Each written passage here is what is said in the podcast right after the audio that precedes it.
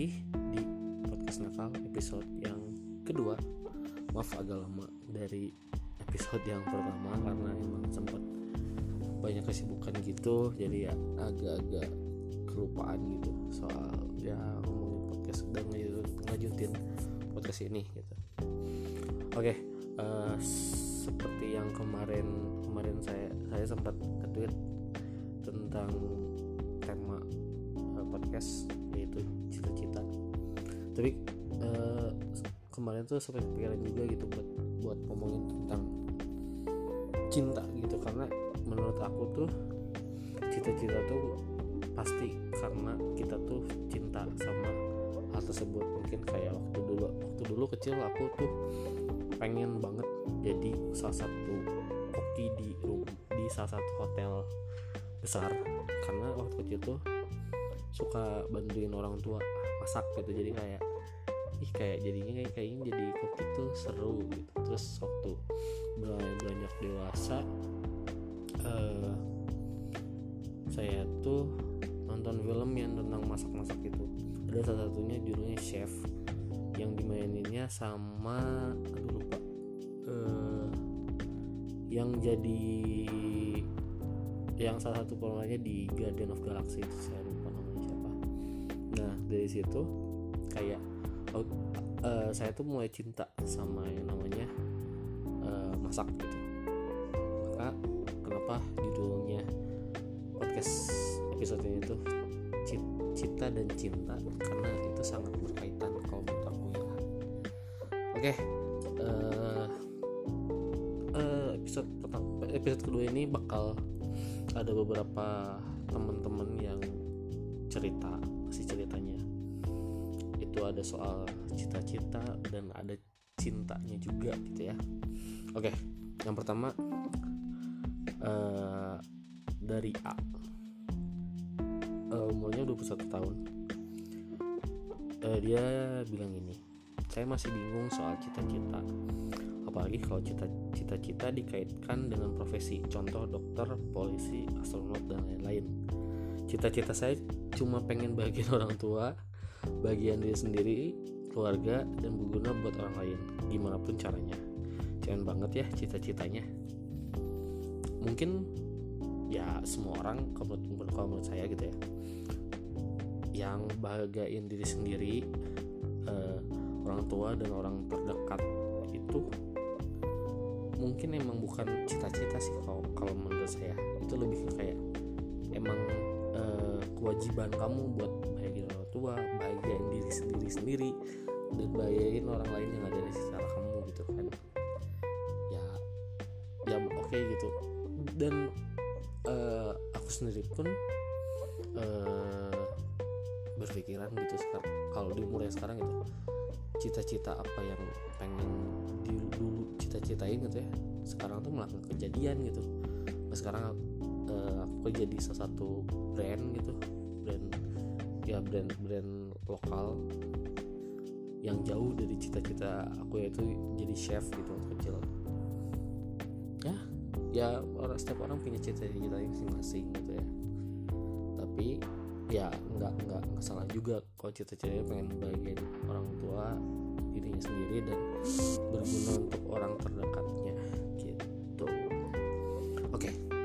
cerita yang kedua uh, ini agak agak agak panjang. Seru deh. Uh, sebut sebut saja Ji umurnya 26 tahun. Ketika saya tinggal ditinggal oleh kekasih tertunda. Pada tahun 2015 yang terbaik dariku bukan hanya membuatmu merasa nyaman. Terkadang aku selalu dibutuhkan. Aku pernah mengutarakan sebuah kalimat aku cinta kamu. Itu dengan sepenuh hati sepenuh kebanggaan dan sepenuhnya. Aku pernah dalam sekali mengutarakannya itu dulu. Kau harus tahu porsi porsimu itu berbeda di mataku di selingkuhanmu di setiap aku berpikir dari semua yang aku berikan. Kini kau harus merasakan perbedaannya dari semua yang pernah dilalui yang berujung kepahitan sementara bahkan selamanya karena hati yang tepat ia tak akan membuat sebuah pilihan.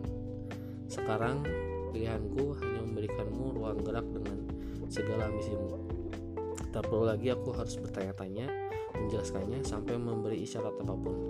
Aku bukan alternatif, aku bukan sebuah pilihan. Aku hanya prioritas itu, katamu. Selebihnya, aku tak akan tak akan menjelaskan lagi. Sudah saatnya aku memberimu waktu untuk mensehatkan pikiranmu. Selainnya, aku ingin menjauh saja, karena aku hadir hanya memberimu sentuhan manis. sorry tapi tak berjalan manis aku meregangkan otot-otot sayapmu untuk beristirahat demi kelangsungan perjalananku yang amatlah jauh percayalah segala sesuatu pasti akan menjadi baik itulah caraku memuja dengan sebuah konsekuensi sekurang-kurangnya aku sejeleknya aku di matamu aku sudah belajar untuk yang sudah bersamaku terima kasih atas peringatan kalian saya pribadi menerima bentuk kekuasa kekuasaanmu dulu. Kualitas kalian memang berbeda-beda, tetapi intinya tetap sama. Lanjutkanlah perjalanan kalian, nikmatilah. Kalian berproses sedemikian untuk menstabilkan jalan-jalan kalian untuk menuai hasil jerihmu. Ini hal yang sangat biasa saja bagiku. Tapi bercerminlah, kalian pasti mampu untuk memperbaikinya. Oke, okay, yang yang yang yang aku tangkap sih kayak ya ini lebih ke uh, cerita tentang ya buat mantan mantannya sebelumnya gitu. Bahwa ketika kalian mencintai seseorang bahkan ya memberikan hal lebih dibanding yang lain dan ketika pasangan kalian menginginkan untuk putus katakanlah atau ya rehat sejenak bahkan kata break pun ya emang harus bisa menerima ini gitu. Ketika si emas emas ini gitu uh, ngomong untuk yang sudah bersamaku terima kasih atas peringatan kalian. Saya pribadi menerima bentuk kekuasaanmu dulu. Ya kalau menurut, kalau menurut aku sih si mas ini tuh bener-bener cukup kuat dan cukup bisa menerima ketika semua keputusan yang diambil sama si mbaknya atau si pasangannya ini ya ingin putus gitu. Dan dia cukup mengerti apa keadaan yang harus atau apa yang dia harus dilakukan ya udah yaitu ikhlas. Benar ketika kalian melakukan sesuatu yang memang tidak bisa dipaksakan yaitu karena semuanya juga akan berganti, akan berganti. Dan life must go on. Tuh thank you Mas Ji umur 26 tahun buat cerita atau ya kisahnya. Oke okay, yang ketiga ada dari uh, panggil aja gue Ade umur 19 tahun. Jadi dari kecil itu gue punya cita-cita sebagai atlet basket. Kalau kalau nggak petinggi akuntan. Ntar. Jadi dari kecil itu gue punya cita-cita sebagai atlet basket. Kalau nggak petinggi akuntan gitu. Oke okay, cuma karena harus nurutin kamu orang tua sama keluarga semuanya jadi gagal. Pas dulu emang mau jadi jadi atlet gue pas SMP ditawarin sampai ditawarin sama salah satu tim provinsi buat nge ngewakilin Jakarta Utara atau Jakut. Ya, Jakarta Utara atau Jakut I don't know. But my dad ignored that. Lalu akhirnya daripada nggak dilanjut sekolah akhirnya nyari apa yang mau ditekunin lagi. Kepikiran lah sebagai petinggi akuntan. Oh oke okay, jadi dia kalau nggak jadi petinggi angkutan dia bisa jadi mas jadi atlet basket gitu. Oke okay, oke. Okay. uh, oke okay, uh, eh, oh. Lalu akhirnya daripada nggak dilanjut sekolah akhirnya nyari apa aja apa yang mau ditekuni lagi kepilihan lagi sebagai petinggi angkutan. Dan hasilnya apa? Ditolak lagi. Mau masuk SMK dipaksa SMA dan semua penyesalan kenapa dulu nggak berusaha buat keke sama tujuan sendiri muncul waktu deket-deket lulus. Waktu kampus visit di univ favorit di Karawaci di sana atlet basket bener-bener diprioritas diprioritasin banget. Sumpah di situ kesel banget. Udah kayak nggak dapat info lagi dari teman saudara yang punya kantor konsultan pajak. Kalau dia lagi nyari lulusan SMK akuntansi gak habis di situ udah capek-capek nyari universitas dan beasiswa ternyata nggak mau dibiayain. Akhirnya orang tua lulus bisa orang orang lulus bisa seneng. Gue cuman merenup kenapa gue nggak mau pertanyain cita-cita gue. Dan sekarang gue stuck cuman jadi freelance. Mau masuk kantoran susah gara-gara jenjang pendidikan dan pengalaman. Lulus 2017 dan sampai detik ini nggak dapat kerja kantoran yang sesuai. Lama sana sini nggak diterima so nggak diterima. So buat kalian yang emang punya cita-cita itu kalian harus tekunin sekalipun orang tua menentang bukannya nggak ngajarin durhaka tapi masa depan kalian ada di tangan kalian bukan tangan orang lain. Sorry ya kalau rada berantakan ceritanya thank you. Kalau kalau gue kalau kalau aku sih nanggepinnya ya benar. Ada benernya ada ada yang kurang setujunya. Setujunya ketika kalau kalau kalau punya cita-cita harus tekunin yes dan uh, yang gua yang aku lebih setuju tuh ketika uh, yang kurang setuju ketika uh, masa depan kalian masa depan kalian ada di tangan kalian bukan orang lain bukan tangan orang lain. Uh, ya kalau menurut menurut aku pribadi bisa bisa jadi cita-cita itu di tangan orang lain ketika orang lain itu ngebantu ngebantu apa ya ngebantu uh, cita-cita kamu direalisasikan uh, gitu. Tapi baik lagi ketika kamu bener-bener punya cita-cita yang bener-bener ya emang pengen kamu tekunin ya harusnya benar tapi nggak uh, kamu juga jangan sampai nggak kehilangan apa ya kehilangan sesuatu yang cukup besar gitu kayak orang tua lebih ke bukan menang menantang sih kayak lebih kasih pengertian lebih gitu. De, soalnya semuanya juga harus diperjuangin meskipun ya salah satunya perjuangin ketika kamu ngobrol sama orang tua kamu. Ngejelasin kalau misalnya uh, cita-cita aku ini emang prospeknya jauh gitu dan aku pun bisa menyai, maksudnya bisa bisa mengimbangi dengan apa yang uh, misalnya sekolah gitu ya. Ya ketika kamu bisa ngejar cita-cita kamu dan sekolah kamu benar ya ya buktiin gitu. Sebenarnya gitu. Lebih ke kayak komunikasi gitu. Kalau aku aku juga nggak tahu ya maksudnya orang tua orang tua mas ini tuh eh, gimana gitu. Tapi kalau misalnya pribadi gitu ya. Aku lebih seneng kayak ngobrolin itu gitu. Ca tetap cari cara buat ngobrol eh, ngejelasin bahwa cita-cita jelasin aja cita-cita kamu kayak gimana proses yang harus kamu lakuin tuh kayak gimana gitu.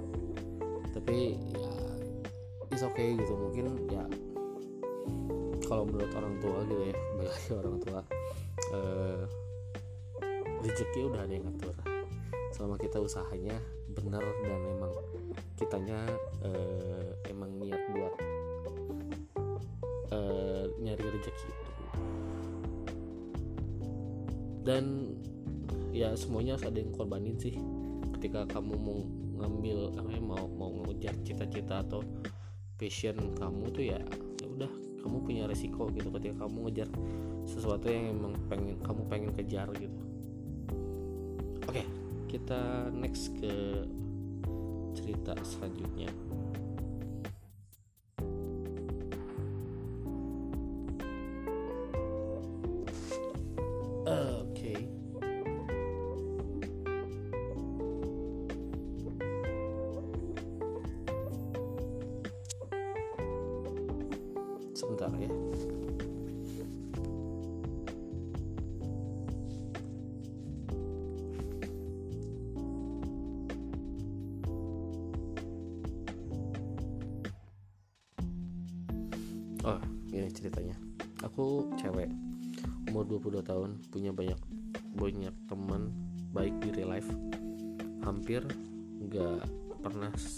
sendiri.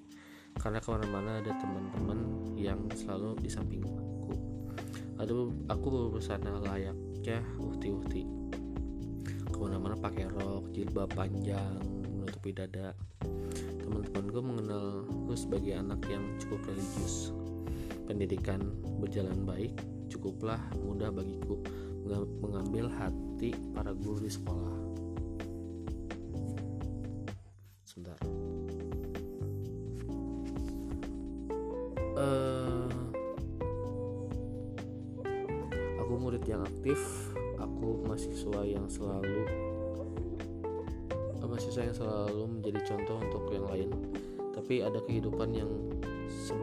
gak ada kehidupan yang sempurna.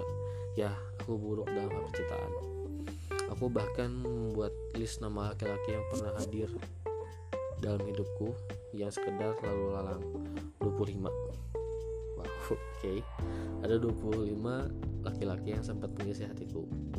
Aku cuman punya empat mantan. Dan terakhir berpacaran sudah 5 atau 6 tahun lalu. Alasannya sama. Mereka meninggalkan aku karena aku belum dewasa. Mereka bilang aku childish dan ya aku aku akui itu. Tapi selalu bingung harus lari ke siapa tiap kali patah hati.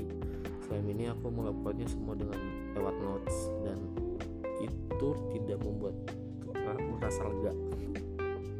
Sesebaik, se, sebahagia bahagianya orang pasti akan merasa sedih seterbuka bukanya orang-orang pasti ada hal yang tidak bisa diceritakan pada mereka yang selalu mendengarkan. Jadi aku mau membuat akun alter ini. Ya awalnya hanya untuk meluapkan semua yang aku pendam. Tapi tiba-tiba aku bertemu dengan seorang pria baik hatinya yang menjadikan aku kasihnya. I, lo I love him so bad and I'll give everything termasuk kepuasan bukan tanpa alasan aku melakukannya. Tapi semua ini agar dia terus bertahan denganku terus membuat terus membuat membutuhkan aku karena hanya aku yang dapat memuaskan. Ya sign si introvert and hard to meet someone. Gimana aku memuaskan memuaskan dia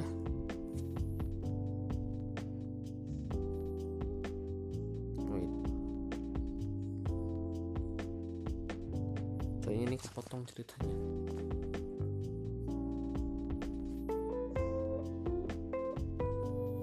Uh, oke. Chat phone sex video call sex ya kami LDR berjumpa melalui platform Twitter. Uh, he, ya kami LDR berjumpa melalui platform Twitter. He said hi and I give I I gave him my number. Sesimpel itu. Uh, hampir setiap hari kami phone sex pernah sampai tiga kali belum ada 24 jam. Bahkan sayang banget sama dia dan aku emang hyper masalah seks. Jadi aku merasa fine dan aja ngelakuin itu semua. Kayaknya punya fantasi yang hebat. Sampai akhirnya dia punya fantasi pengen lihat aku nakal sama orang lain terus aku keinget akun alter yang isinya cuma ngeluh ini itu jadi aku pak jadi aku pakai akun itu aja. Aku coba rap satu manifest beberapa DM langsung masuk dan aku dan si sender DM ini mulai ditutup pacar aku mantu juga. Dia login akun tweet alter aku. Dia nggak puas banget lihat aku nakal sama laki lain. Dan aku seneng kalau lihat dia puas sejak itu fantasi dia makin aneh-aneh. Waktu pansek dia suka acting marah karena mungkin aku dinikmatin cowok lain. Ucapan ucapannya lihat banget. Aku suka. Semenjak itu akun ini jadi akun nakal. Udah aja dari aku. Oke. Okay. kalau kalau aku nanggepinnya sih gini. Ya ya ketik kalau aku ya prinsip aku dari dulu gitu ya. Kalau misalnya aku uh, pacaran sama orang gak bisa LDR bahkan pacaran tanpa ketemu secara langsung. Kayak ya kalau misalnya pacaran secara digital ya ya oke okay gitu. Sekarang eranya era digital gitu tapi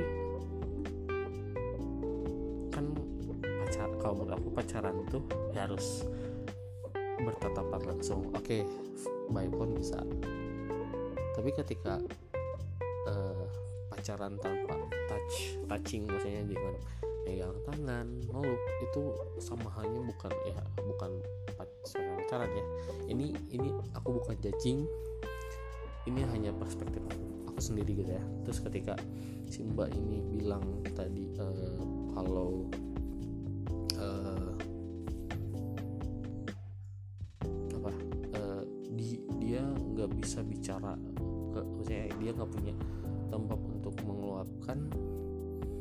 cobalah terbuka sama circle circle terdekat kamu. Kalau aku ya teman terdekat aku sahabat aku ya aku cerita ke dia gitu. Cerita apa pun yang pengen aku ceritain. Bahkan aku pun pernah nangis gitu di depan teman aku ini ketika aku curhat. Kekesalan aku patah hatinya aku gitu. Dan ketika uh, si mbak ini bilang juga aku mau ngasih apa pun biar cowok itu stay.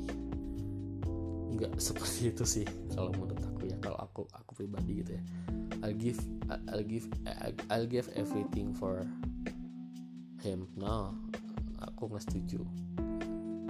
Ya ya ya itu ya, ya itu kepuasan kepuasan buat banyak sendiri ya silakan gitu. Tapi kalau menurut aku nggak tidak harus seperti itu. Dan, dan tidak dengan hal seperti itu semua punya batasan dan malah nanti ya ya yang aku takutin tuh si mas itu nyari kamu karena itu doang.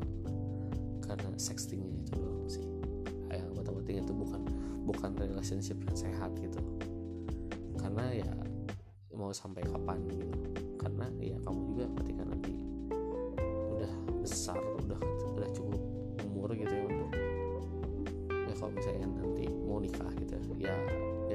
pasti pengen lah punya punya suatu pengen nikah lagi dan merasakan the true love gitu.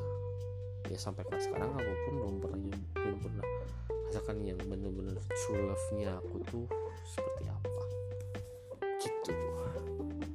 Oke okay, dan cerita terakhir ini yang cukup panjang banget nih. Uh, ceritanya berawal ketika Bandung 5 Mei 2014 saat itu kemarau panjang terjadi seperti saat ini. Kupacu sepeda motorku dari di Ukur menuju Korea. Korea tuh Kopoaraya ya guys itu ada di daerah Bandung. 30 km per jam aku masih cukup untuk memacu kuda besiku seraya nikmati angin yang mengelus pipiku. Oh itu adalah kelulusan yang aku dapatkan setelah aku mengantarmu berkeliling kota berjuta kenangan. Lampu jalanan membuatku merasa bahwa di dalam kehidupan selalu ada cahaya yang menerangi perjalanan kehidupanku dan aku rasa aku menemukan cahaya di dalam dirimu di dalam hatimu. Entah mengapa lusung pipimu ketika senyummu merekah membuatku merasa hidup kembali. Aku telah mati ketika masa lalu mem membuatku terjatuh tanpa daya kakiku tertatih tanpa tanpa pijakan. Dan sejak hadirmu tiba seakan aku merasa bahwa jiwaku hidup kembali. Terima kasih kau telah menyelamat menyematku menyem sorry. Terima kasih. Masih aku aku telah menyematkan rasaku untuk berada di dalam rongga dadamu dan menyelinap dalam lubuk hatimu. Aku ingat pelukan hangatmu selalu kau berikan di dalam jatinangor di peti ukur. Wow jauh juga sih. Jalanan yang jalanan yang mencatat kisah kita pernah bersemi.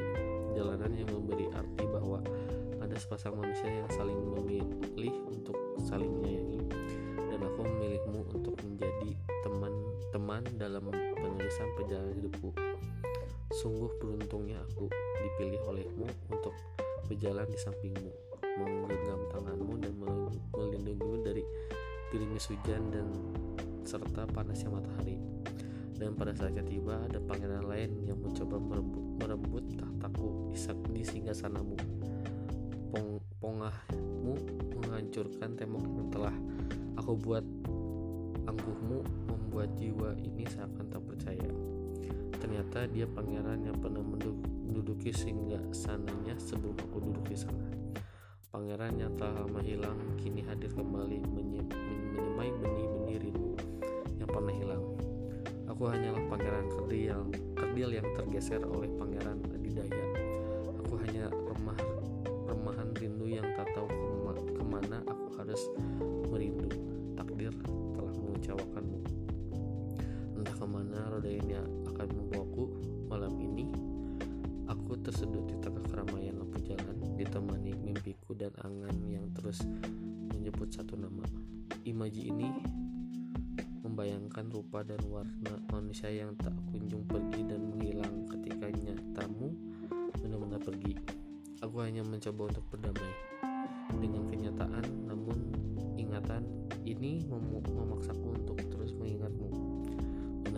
warasku hilang ketika ken, ken, hilang kendali ketika kau masuk dan memenuhi pikiranku. Disadari atau tidak, hadirmu memberi arti dan warna dalam hidupku. Ceritamu, keluh kesahmu, candamu, dan tangismu kini menjelma menjadi sebab menjadi, menjadi bagai yang sulit untuk kurai. Waktu berjalan sering detak detik jam yang Seketika ada yang berbeda dari dirimu.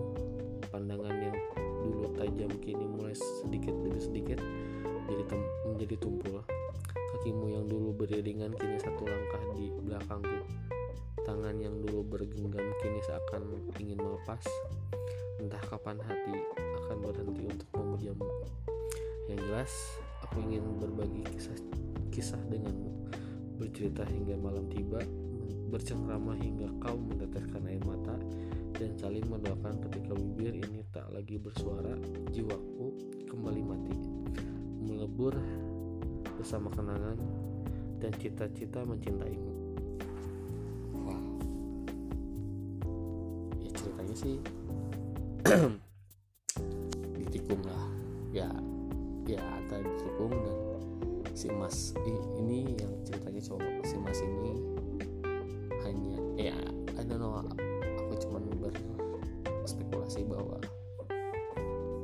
bisa jadi si banyak mencari pelarian dan si mas ini cowoknya gitu. Atau bahkan kayak si mbak ini udah putus jauh lama terus berjanji mungkin si mbaknya buat uh, baik baik lagi dan berjanji aku nggak akan kayak itu lagi. That's a fucking bullshit. Kamu tahu gitu ya? Aku nggak akan jadi kayak dulu lagi kok. Nggak. Orang berubah tuh susah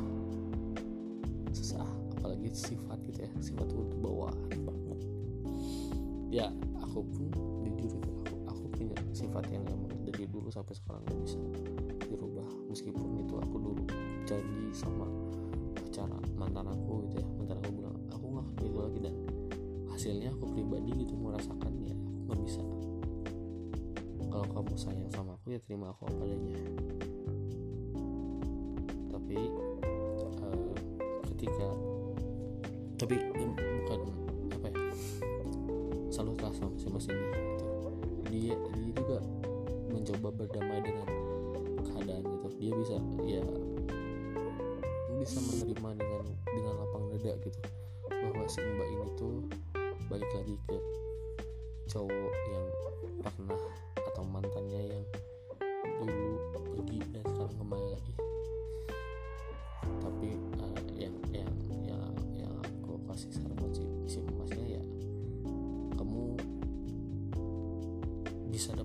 baik daripada si mbak ini. Seriusan dari tulisan kamu keren sih. Ya ya aku baru kenal, ya, baru baca segitu doang gitu tapi dalam sih. Jatinangor bro. Jatinangor di Pati Ukur. Itu jauh loh. Kayak ya ke tengah kota dari ujung kabupaten gitu.